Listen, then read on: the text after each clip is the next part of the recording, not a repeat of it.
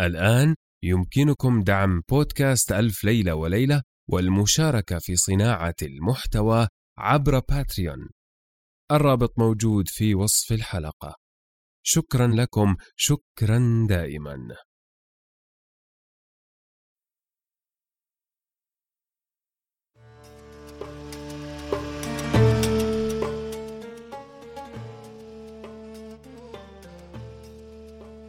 كان يا مكان في قديم الزمان وسالف العصر والأوان ملك يدعى شهريار يحب الاستماع إلى قصص الإنس والجان. وكانت جاريته شهرزاد تقص عليه في كل ليلة قصة. هذا بودكاست ألف ليلة وليلة الموسم الثالث.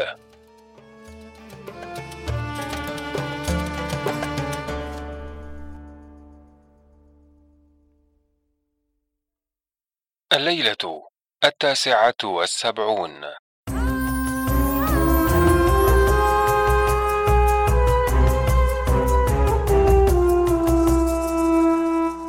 حكاية الملك عمر النعمان مع ولديه شركان وضوء المكان.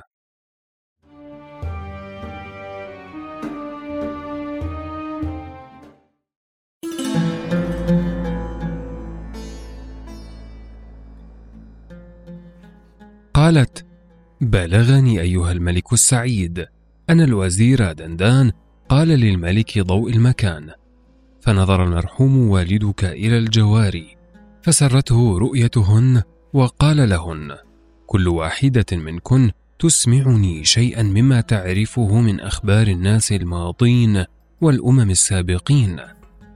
فتقدمت واحدة منهن وقبلت الأرض بين يديه وقالت اعلم أيها الملك أنه ينبغي لذي الأدب أن يجتنب الفضول ويتحلى بالفضائل وأن يؤدي الفرائض ويجتنب الكبائر ويلازم ذلك. وأساس الأدب مكارم الأخلاق. واعلم أن معظم أسباب المعيشة طلب الحياة والقصد من الحياة عبادة الله.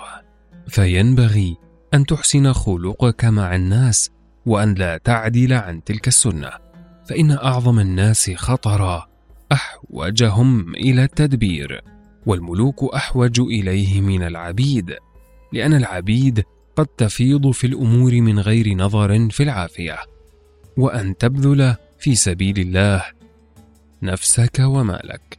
واعلم أن العدو خصم تخصمه بالحجة وتحترز منه. وأما الصديق فليس بينك وبينه قاض يحكم غير حسن الخلق.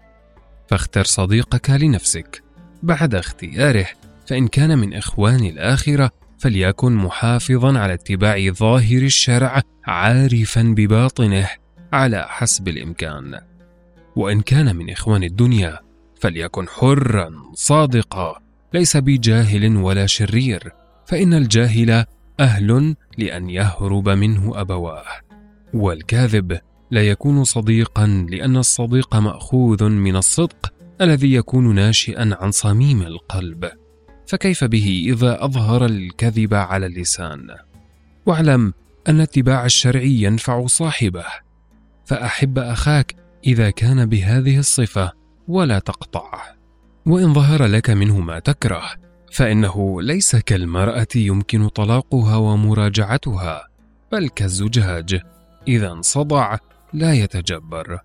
ولله در القائل احرص على فرط القلوب من الأذى فرجوعها بعد التنافر يعسر. إن القلوب إذا تنافر ودها مثل الزجاجة كسرها لا يجبر. قالت الجارية في آخر كلامها وهي تشير إلينا. إن أصحاب العقول قالوا خير الإخوان أشدهم في النصيحة وخير الأعمال أجملها عافية وخير الثناء ما كان على أفواه الرجال. وقد قيل لا ينبغي للعبد أن يغفل عن شكر الله خصوصا على نعمتين العافية والعقل. وقيل من كرمت عليه نفسه هانت عليه شهوته. ومن عظم صغائر المصائب ابتلاه الله بكبارها. ومن أطاع الهوى ضيع الحقوق. ومن أطاع الواشي ضيع الصديق. ومن ظن بك خيرا فصدق ظنه بك. ومن بالغ في الخصومة أثم.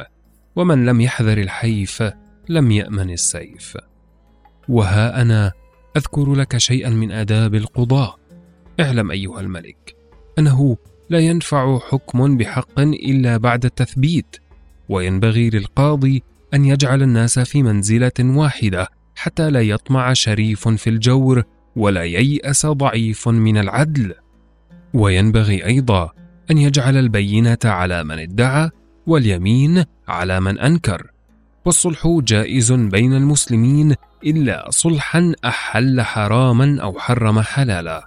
وما شككت فيه اليوم فراجع فيه عقلك وتبين به رشدك لترجع فيه إلى الحق. فالحق فرض والرجوع إلى الحق خير من التمادي على الباطل. ثم اعرف الأمثال وافقه المقال وسوي بين الأخصام في الوقوف وليكن نظرك على الحق موقوفا. وفوض أمرك إلى الله عز وجل واجعل البينة على من ادعى فإن حضرت بينته أخذت له بحقه وإلا فحلف المدعى عليه. وهذا حكم الله واقبل شهادة عدول المسلمين بعضهم على بعض. فإن الله تعالى أمر الحكام أن تحكم بالظاهر وهو يتولى السرائر ويجب على القاضي أن يجتنب القضاء عند شدة الألم والجوع وأن يقصد بقضائه بين الناس وجه الله تعالى. فإن من خلصت نيته وأصلح ما بينه وبين نفسه كفاه الله ما بينه وبين الناس. وقال الزهري ثلاث إذا كن في قاض كان منعزلا. إذا أكرم اللئام وأحب المحامد وكره العزل. وقد عزل عمر بن عبد العزيز قاضيا فقال له لما عزلتني؟ فقال عمر قد بلغني عنك أن مقالك أكبر من مقامك. وقيل أن الإسكندر قال لقاضيه إني وليتك منزلة واستودعتك فيها روحي وعرضي ومروءتي فاحفظ هذه المنزلة لنفسك وعقلك. وقال لطباخه إنك مسلط على جسمي فارفق بنفسك فيه. وقال لكاتبه إنك متصرف في عقلي فاحفظني فيما تكتبه عني. ثم تأخرت الجاريه الأولى وتقدمت الثانية. وأدرك شهرزاد الصباح فسكتت عن الكلام المباح.